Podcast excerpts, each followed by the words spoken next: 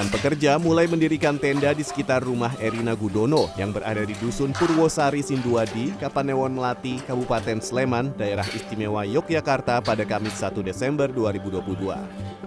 Sejumlah tenda berukuran besar didirikan di seberang rumah Erina yang merupakan halaman kosong berukuran kurang lebih 15 kali 20 meter persegi. Selain di depan rumah Erina, tenda juga didirikan di halaman masjid sekitar 100 meter dari rumah Erina Gudono.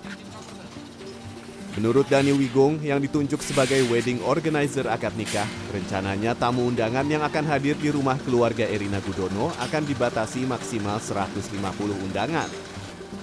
Seluruh tamu merupakan keluarga besar Erina dan keluarga Presiden Joko Widodo. Rencananya akan hadir pada malam Midodareni, tanggal 9 Desember 2022 malam. Ya ini aja, ini kurang lebih berapa? 10 apa 15 kali 15 ini di depan. Untuk kapasitas berapa orang tamu undangan? Tidak lebih dari 150.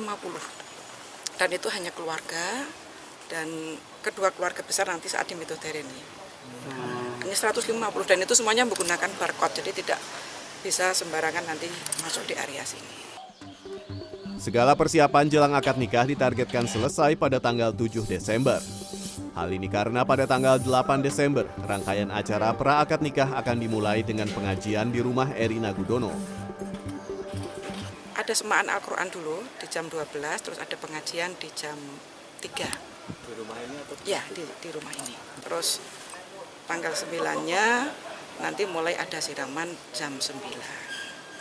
Malamnya Midodareni tanggal 10 jam 12.30 acara akad nikah di pendopo. Presiden Joko Widodo beserta keluarga direncanakan hadir pada acara malam Midodareni dengan membawa seserahan dari calon pengantin pria.